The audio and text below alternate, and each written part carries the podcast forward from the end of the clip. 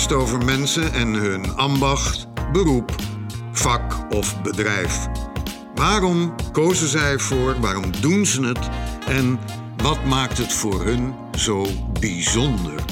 Onze gast Danica Kersten. En Danica Kersten is graficus, Ja, illustrator. illustrator. Ja. En sinds kort gespecialiseerd in houtsneden uit, nou ja, op Japanse leest geschoeid. En woonachtig in, Alkmaar, in Alkmaar. Ja. En gestudeerd hebbende in Gent. Gent. Hoe ben je eigenlijk sowieso aan grafische, grafisch ontwerpen gekomen? Naar de, de kunstacademie ben gegaan. Ehm, ik, ik wilde eigenlijk illustratie studeren. Ehm, en dat heb ik ook deels gedaan, maar dan heb je... ehm, ja, je moet specifieker een richting op gaan. En uiteindelijk heb ik grafiek gekozen. En op dat moment dat ik het studeerde, vond ik dat allemaal heel intimiderend. Dus ik heb, we hebben met de school dan geleerd eh, te etsen en ehm, zelfs lithografie. Ehm, maar dat was echt een hele korte les en daar heb ik vrij weinig van meegekregen eigenlijk. Dat zou ik nog wel graag willen, willen leren. Ehm, en ja, natuurlijk hout snijden en dat soort dingen. Ehm, nou ja, zeefdruk. Dat vond ik dan helemaal eh, intimiderend om een of andere reden. Dus ik heb dat eigenlijk de hele tijd niet gedaan. Ik, ben, ik heb heel veel digitaal getekend en eh, met inkt en waterverf. Ehm, maar ja, op een gegeven moment had ik mijn bachelor gedaan en toen heb ik een strip gemaakt met, in waterverf. En toen, het jaar daarop, heb ik mijn master gedaan. En toen had ik zoiets van: ik wil eigenlijk wel iets heel uitdagends doen en iets waar ik.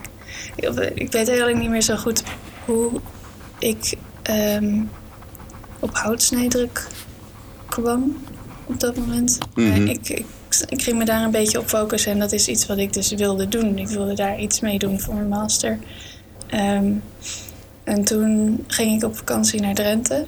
Ja. En daar kwamen we in het eh, atelier slash winkel van eh Simon Dijkstra terecht. En die maakt hele mooie reductiehoutsnedes. En een reductie houdt dan in dat je dus één plaat hebt. En elke keer als je wat drukt, snij je wat extra's weg. Ehm, dus het zijn allemaal ehm, lagen over elkaar. En uiteindelijk hou je van die plaat helemaal niks meer over. Wow. Ehm, en hij maakt super gedetailleerde landschappen. En dat vond ik heel, eh, heel interessant. En hij was zelf aanwezig in het eh, atelier. Atelier. En ik heb hem toen verteld dat ik erover dacht om iets met houtsneders te doen. En toen heeft hij me allemaal tips gegeven over wat ik kon doen en zo. En toen dacht ik, ja oké, nu moet ik het echt gaan doen. Gaaf. En ja, het moest zo zijn. ja, en toen heb ik dus een, een strip gemaakt in houtsneders. Ehm allemaal hele kleine plaatjes. Elke eh, pan- paneel was een, eh, een ander, een kleine houtsnede, zeg maar. Ehm, en daar heb ik een heel jaar over gedaan. Zo'n beetje ook vanwege dus onzekerheid en dat soort dingen. Weet je wel.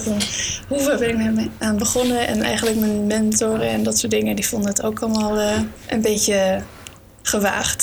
Zo van die, die, die twijfelden ook een beetje of het me zou lukken. En dan ben ik toch wel een beetje zo iemand die denkt van... oké, nou moet ik het echt gaan doen. Om het te bewijzen, zeg maar, dat, eh, dat ik dit kan. En eh, het is gelukt. En ik heb een mooi cijfer ervoor gekregen. Ik ben goed geslaagd voor mijn master. Wanneer was dat? De 2018 was dat. Oké. En dat was in...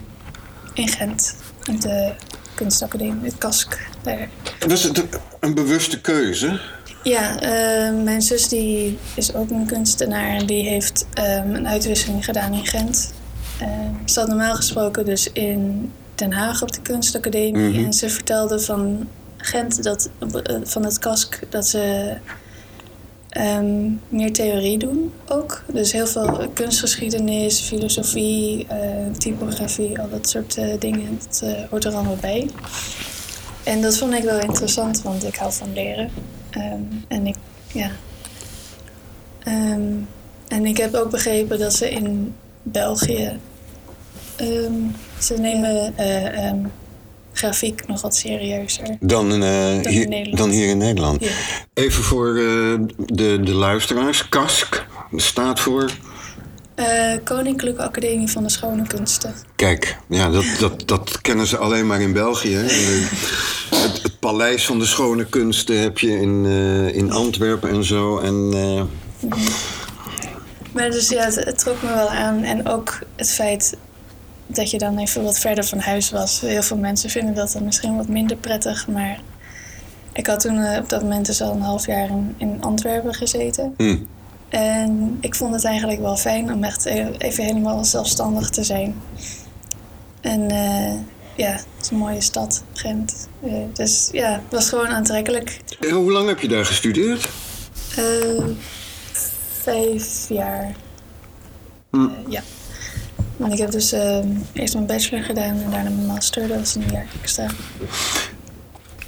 En was toen al duidelijk voor jezelf welke richting je uit wilde? Toen ik afstudeerde bedoel je? Ja? Ehm, ja, nou ja, op dat moment dat ik, toen ik die, die, mijn master had gedaan, mijn eh, masterproject, toen ehm, had ik eigenlijk meteen eh, de wens om naar Japan te gaan, om de Japanse houtsnijkunst te leren. Ehm, de, vanwege dus mijn, mijn liefde voor eh, manga, voor strips in het algemeen, maar voor manga dus ook. En ehm, en het idee van ja, houtsnijkunst, dat is de drukkunst, is ja, heel traditioneel in Japan. En dat, ja, dat is een. Het, het komt daar vandaan eigenlijk een beetje. En het is ook een hele andere techniek ehm, dan wat ik hier heb geleerd. Ehm, maar ik vond dus al vrij snel een, eh, een residentie in Japan waar ik dat zou kunnen leren. Ehm, en ik heb ook meteen. eh, nou ja, ik wilde meteen. Ik wilde me daarvoor aanmelden. Ja? Voor die re- residentie. Ja. En ze hadden nog een plaatsje vrij voor dat jaar. Maar ja, mijn mentor die moest een aanbevelingsbrief schrijven. En die was te laat daarvoor. Dus helaas kon ik niet in eh, 2019. En toen in 2020 kon ik wel. Maar toen, Maar toen kwam corona. natuurlijk. Ja, dus dat werd de hele tijd uitgesteld. De Eerst een half jaar, ja. toen nog een heel jaar en toen weer een heel jaar.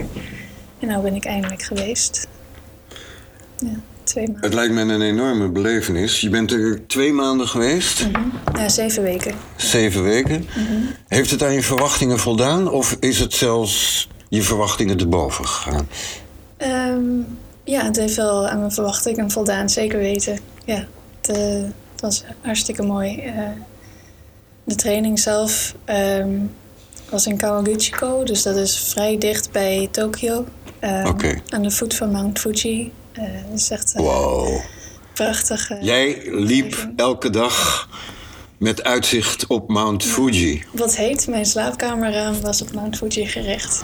Een slaapkamerraam, dat noem ik nog eens een room with a view. Nou, dat kan je wel zeggen. Ah. Je zag hem niet elke dag, want als het maar een beetje bewolkt was, dan was Mount Fuji weg.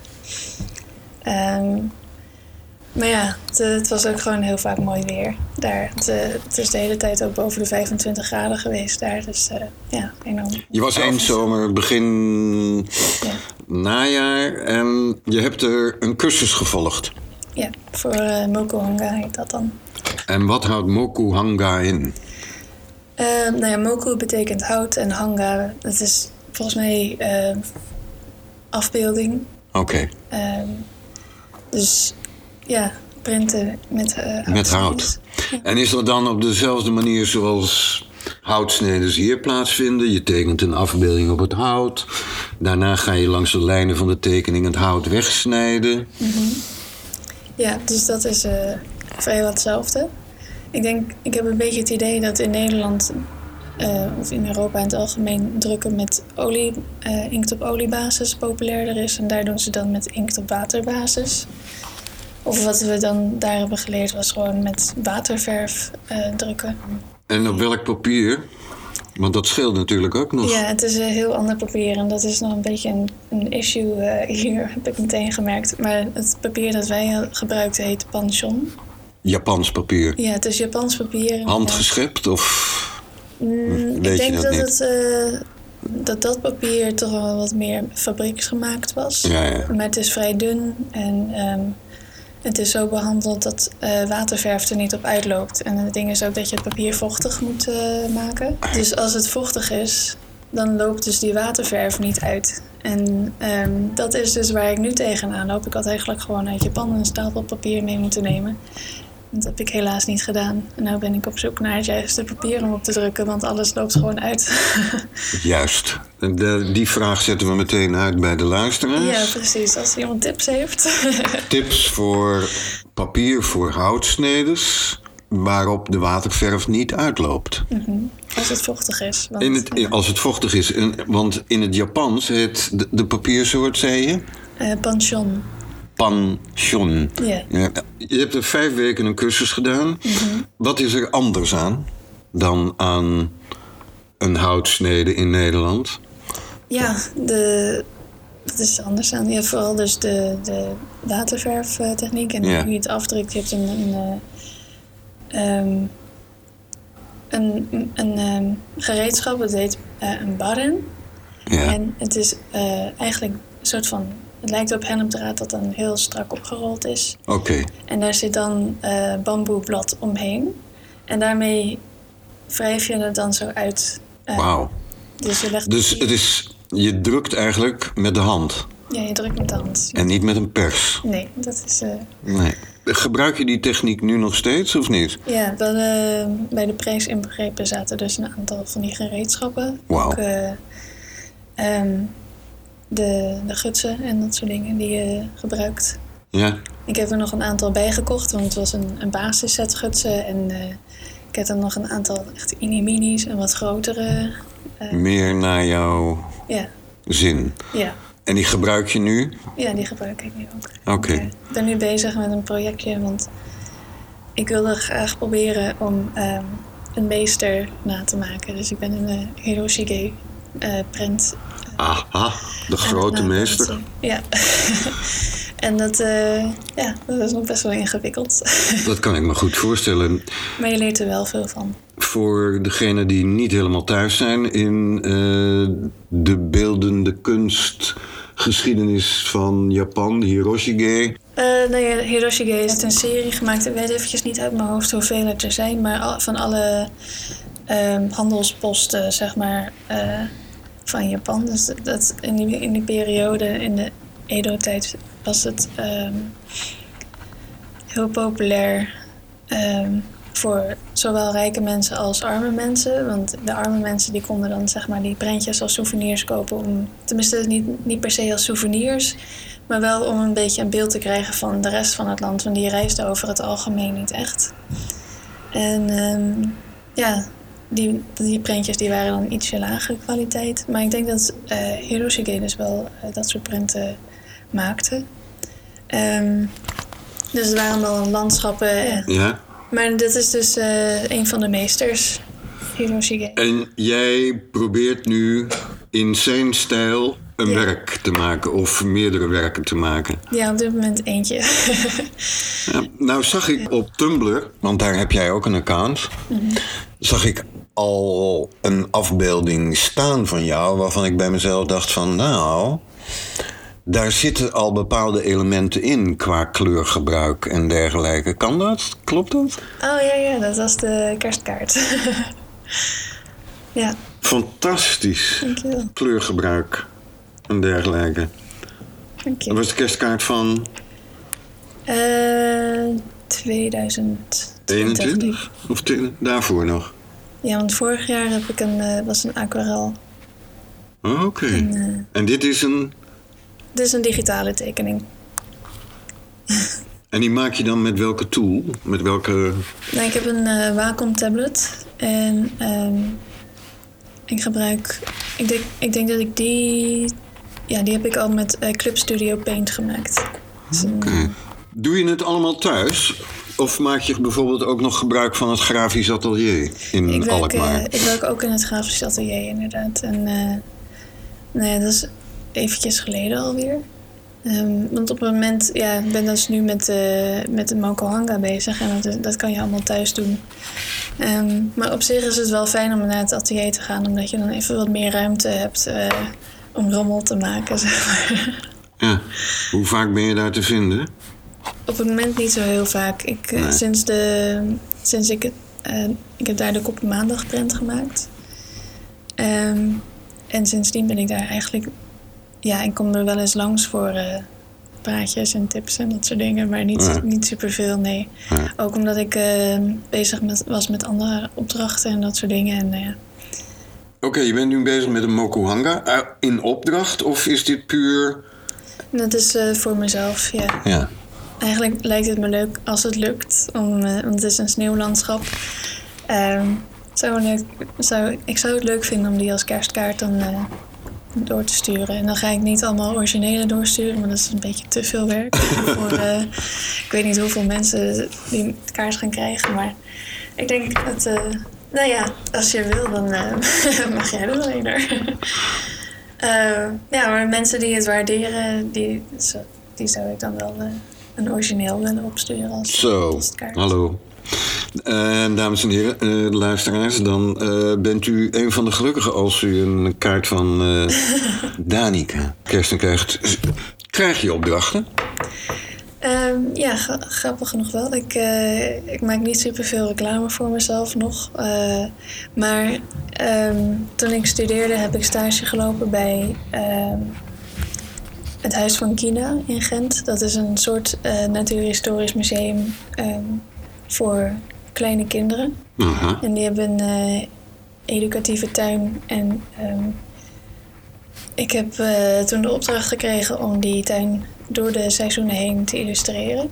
Wow. Ehm, en ik heb toen 40 aquarellen gemaakt. Dus eh, Hallo. van 10 plekken in de tuin en dan vier van elke plek.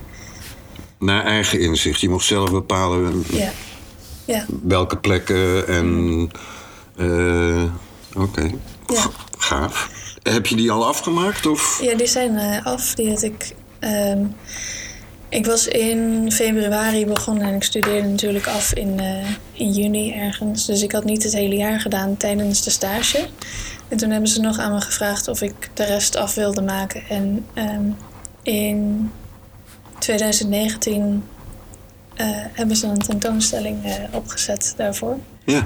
Ehm, en daar zijn wat mensen op afgekomen en iemand heeft mij eh, benaderd om eh, voor zijn, dat is dan de ehm, World Forest, nee, de European Forest Institute. Die wilde dat ik wat illustraties ging maken. Nee, ik heb dus nu twee keer eh, een opdracht van hun gekregen. Ehm, de laatste is ehm, een paar maanden geleden. En dat was eh, een wat groter project dan de eerste. Ook aquarel? Eh, nee, dat heb ik eh, allemaal digitaal gemaakt. En, om het wel even wat netter te maken, zeg maar. Wat zou je ideale werksituatie zijn? Dat je zelfstandig bent en in opdracht werkt? Of Nou, het liefst ben ik wel zelfstandig inderdaad. En zoals ik al zei, heb ik heel veel interesse in strips. En dus ook in het maken van strips. Ehm, en ik heb ideeën voor verhalen, dus dat zou echt mooi zijn als ik iets kan uitbrengen. ja? eh, wat dat betreft. Wat doe je zelf het liefst? Die strips maken, begrijp ik. En dan in een bepaalde. in de traditionele. eh, stijl van eh, manga? Of. Eh, nou, ik heb wel eh, echt mijn eigen stijl, maar ik ben, word wel heel erg beïnvloed door eh, manga. Ja. Ehm, maar ja, ja wat, ik, wat ik het liefst doe, ik, het probleem met mij is dat ik een beetje te veel interesses heb. dus, eh, Focus. ja, Focus. Ik mis, ik mis de focus, nee, maar ja, ik, ehm, ik zou wel heel graag strips maken. En ja, die. Ik denk dat ik toch wel best wel een unieke stijl heb wat dat betreft. Dat denk ik ook. Ja. Ja. Dat is een van de redenen waarom we je hier als gast hebben uitgenodigd. Om- omdat, eh, omdat ik nogal onder de indruk was van je werk. Ehm, en zoals ik al zei, ik ben zelf ook een liefhebber van... eh, of tenminste, ik weet niet of ik dat eerder heb gezegd, maar... ehm, ik, ik ben een liefhebber van die, van die eh, oude Japanse meesters... zoals Hiroshige en... ook zei. Hokusai. Eh, Albrecht Dürer natuurlijk. Ehm, en ik vind het toch wel frappant dat iemand met houtsneders bezig is. Want ik geloof niet dat er veel mensen zijn die zich bezighouden met houtsneders. Nee. Alleen al omdat het ontzettend veel werk is en Ja.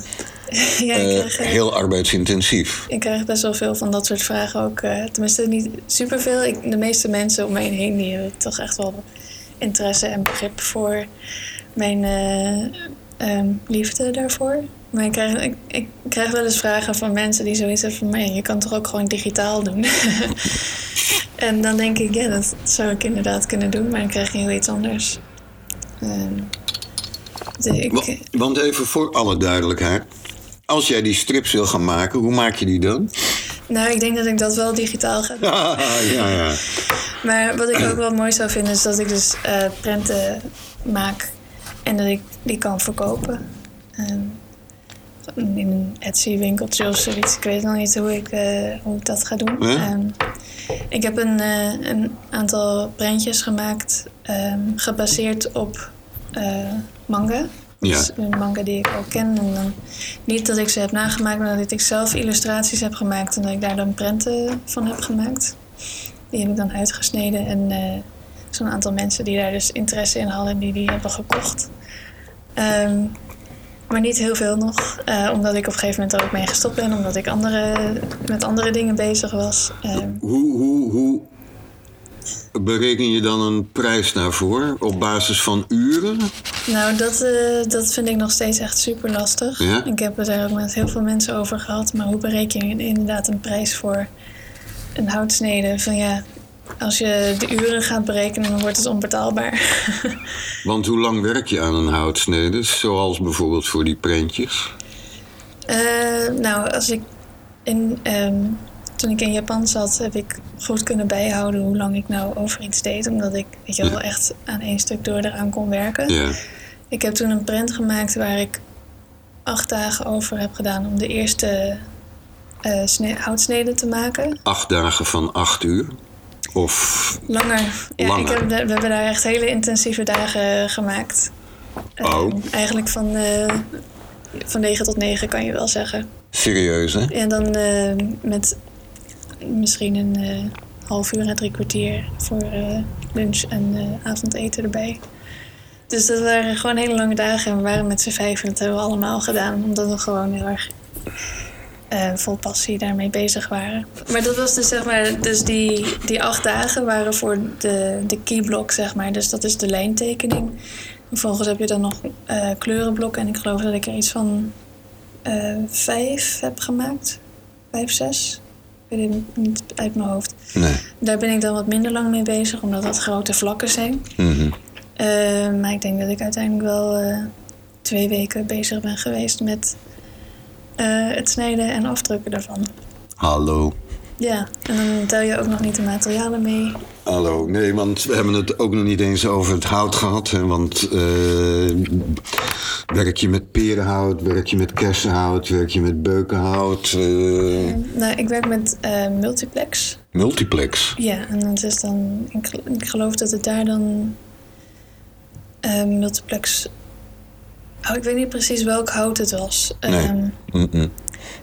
Maar het, eh, het is vrij stevig. Maar het eh, voordeel van eh, multiplex is, is dat het dus lagen, de, zeg maar de ehm,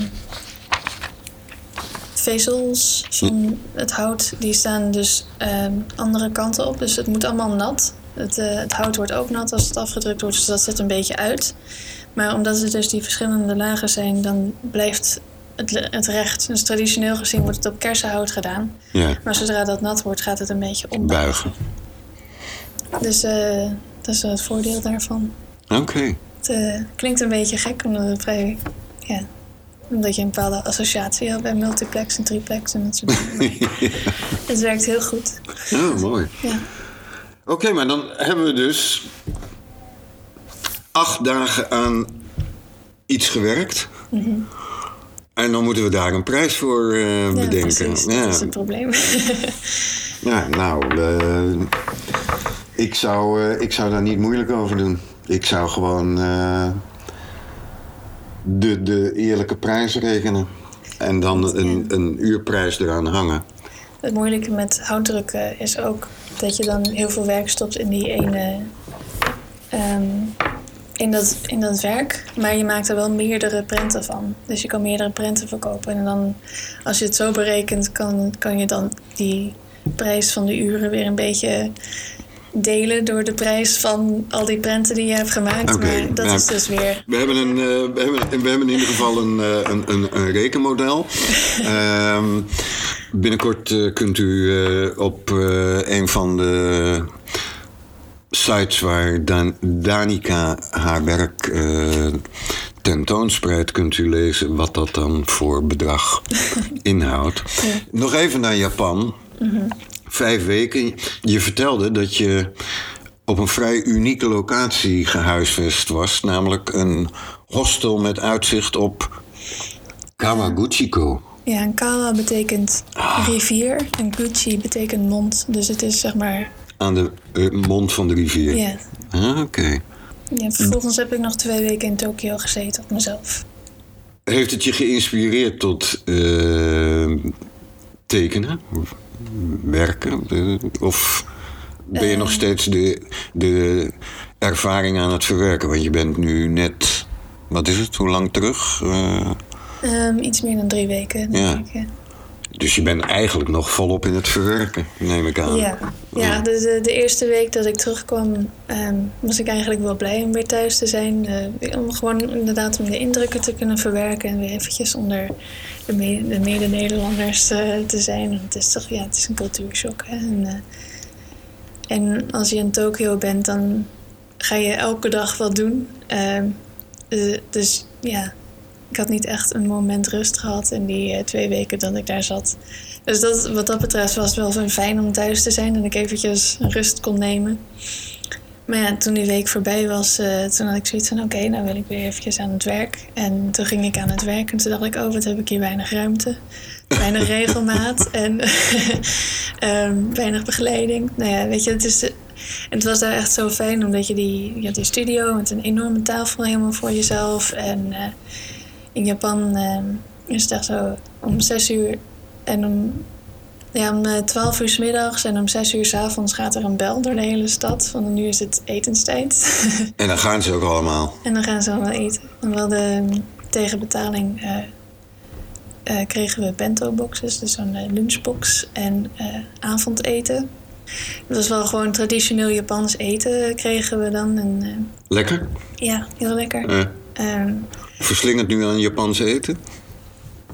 Nou ja, dat was ik al wel een beetje. Maar Oké. ja, ja dat, eh, dus zeg maar die regelmaat en de ruimte en dus die medemensen, die medestudenten die eigenlijk dezelfde instelling hadden. Dat ze echt allemaal lekker aan het werk waren. Stimulerend, hè? Het is heel stimulerend. Dus Ja. dat was wel eventjes moeilijk om dan weer aan de slag te gaan. Om, en een hele nieuwe manier te vinden. Helpt het dan om eh, Japanse muziek op te zetten of zoiets? om eh, een beetje in de stemming te komen? nee, nee. ik, eh, ik luister altijd naar eh, ehm, podcasts of series of wat dan ook als ik aan het werk ben. Ik Oké. beter Oh. concentreren. Maar je hebt op ons verzoek heb je drie nummers uitgekozen. Of tenminste, die kwamen eigenlijk meteen in je hoofd op, begrijp ik. En één daarvan is een Japans nummer, hè? Lala Radio. En dat zit al 15 jaar in je systeem, begrijp ja. ik. Dat, ik eh, leerde die eh, muzikant Shugo Tokumaru leerde ik eigenlijk kennen voordat ik eh, interesse kreeg in Japan überhaupt. Dus er zat iets al, hè, jongens? Ja, er zat iets al, Ja, ja. er zat al iets met eh, Japan. Ja. Het vervelende is trouwens, hij had dus een soort van comeback eh, concert toen ik in Japan was, maar op de dag dat ik terugvloog. Ai, Ja, daar was ik echt heel pissig over. ja, dat kan ik me goed voorstellen, want dat wil je dan eigenlijk zien natuurlijk. Ja. Ja, ik heb hem één keer in Rotterdam gezien, maar sindsdien is hij niet meer. In Nederland geweest. Maar ja, ja. Wat is het voor een soort muziek? Eh, moeilijk te beschrijven. Want, Ja. eh, hij, hij doet eigenlijk van alles. Sommige nummers die zijn een beetje country. En sommige die zijn eh, een beetje... Ja, ehm, Wat spreekt jou het meest aan erin? Behalve... Nou ja, eigenlijk wel de diversiteit. Maar ook, er zit een soort van ehm, kinderlijkheid in ook. Want er zijn een aantal nummers waarbij die dus eh, echt op een geniale manier ehm, kinderinstrumentjes en speelgoed en dat soort dingen gebruikt. Ah, Sommige nummers die zijn ook echt hyperactief eh, en daar hou ik ook wel van. En sommige die zijn echt heel erg langzaam en eh, rustig. Dus zeg maar het enorme contrast ertussen mij doet het allemaal heel goed, vind ik.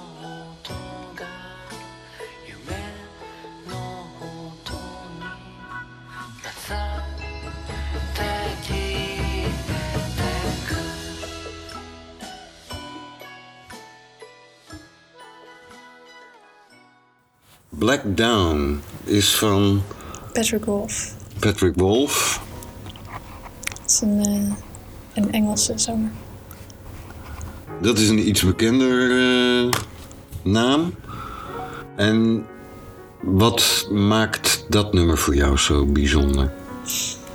Ehm, het is heel gevoelig. Dus, eh, nou ja, ik vind het moeilijk om te beschrijven waar het nummer over gaat, omdat het niet echt iets is waar ik naar luister, maar het is ook echt een, een soort van. Stemming? Het is een stemming, inderdaad. Eh, dus het begint heel klein, ehm, een beetje melancholisch, en dan begint hij eigenlijk te schreeuwen naar zijn eh, verlangens, zeg maar. Dat zijn niet zijn, zijn verlangens, verlangens zijn niet zijn meester, zeg maar. Dus dat hij controle heeft over zijn eigen Aha. handelingen. En eh, ehm, als hij dat zo zingt, dan dat, dat klinkt zo ehm, Puur? puur. Ja, gewoon echt enorm blij. En ik kreeg er adrenaline van. En, en, zo'n gevoel van opluchting zelf. En het gevoel dat je alles kan doen. Of dat je alles aan kan, zo'n beetje. Gaaf. ja. En, eh, en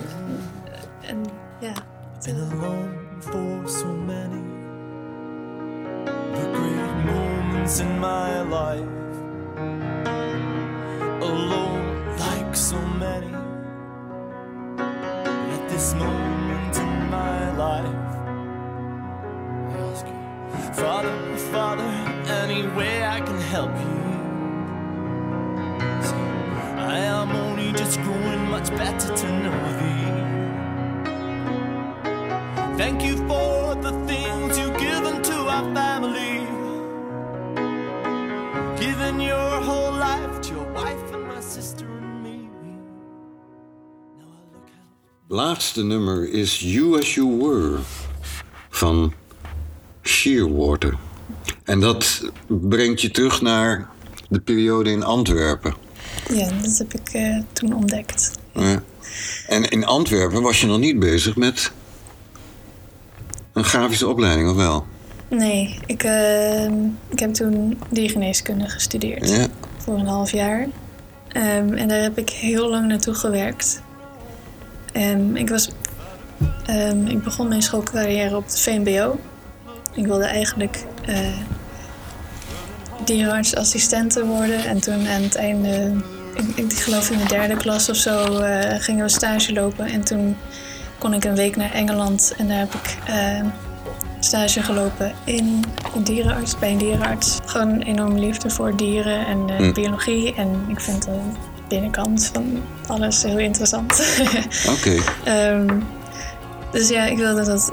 Toen ik in Engeland was, eh, besloot ik om dan maar dierenarts te worden in plaats van dierenartsassistent. Ehm, dus moest ik eh, eerst naar de HAVO en toen had ik mijn VWO en toen ben ik naar Antwerpen gegaan. En toen bleek dus dat het net te zwaar voor me was Ah, ah. allemaal. En dat eh, ik, ik had heel snel door van dit wordt hem niet. Ehm, en ik ben niet iemand die heel snel opgeeft, maar wel inziet als iets niet voor mij werkt. Ja, en het ding is wat ik ook in, eh, in Antwerpen realiseerde is... toen ik bezig was met mijn VMBO, VWO... ehm, heb ik eigenlijk de hele periode niet getekend. En dat was echt abnormaal voor mij, want ik tekende bijna dagelijks eh, mijn hele leven. Ehm, en toen ineens was ik te druk daarvoor. En toen ik in Antwerpen kwam, toen begon ik weer met tekenen... ehm, en niet met studeren. En toen had ik zoiets van, "Oeh, misschien zegt dit wat over mij. dat ik eh, toch maar de illustratiekant op moet. En was Gent toen de logische volgende stap? Ja, ja op het eh, advies van mijn zus. Die had echt zoiets van Gent is echt een hele goede kunstacademie. En als je toch al in België zit... eh, Waarom dan niet Waarom naar Gent? De cirkel is rond.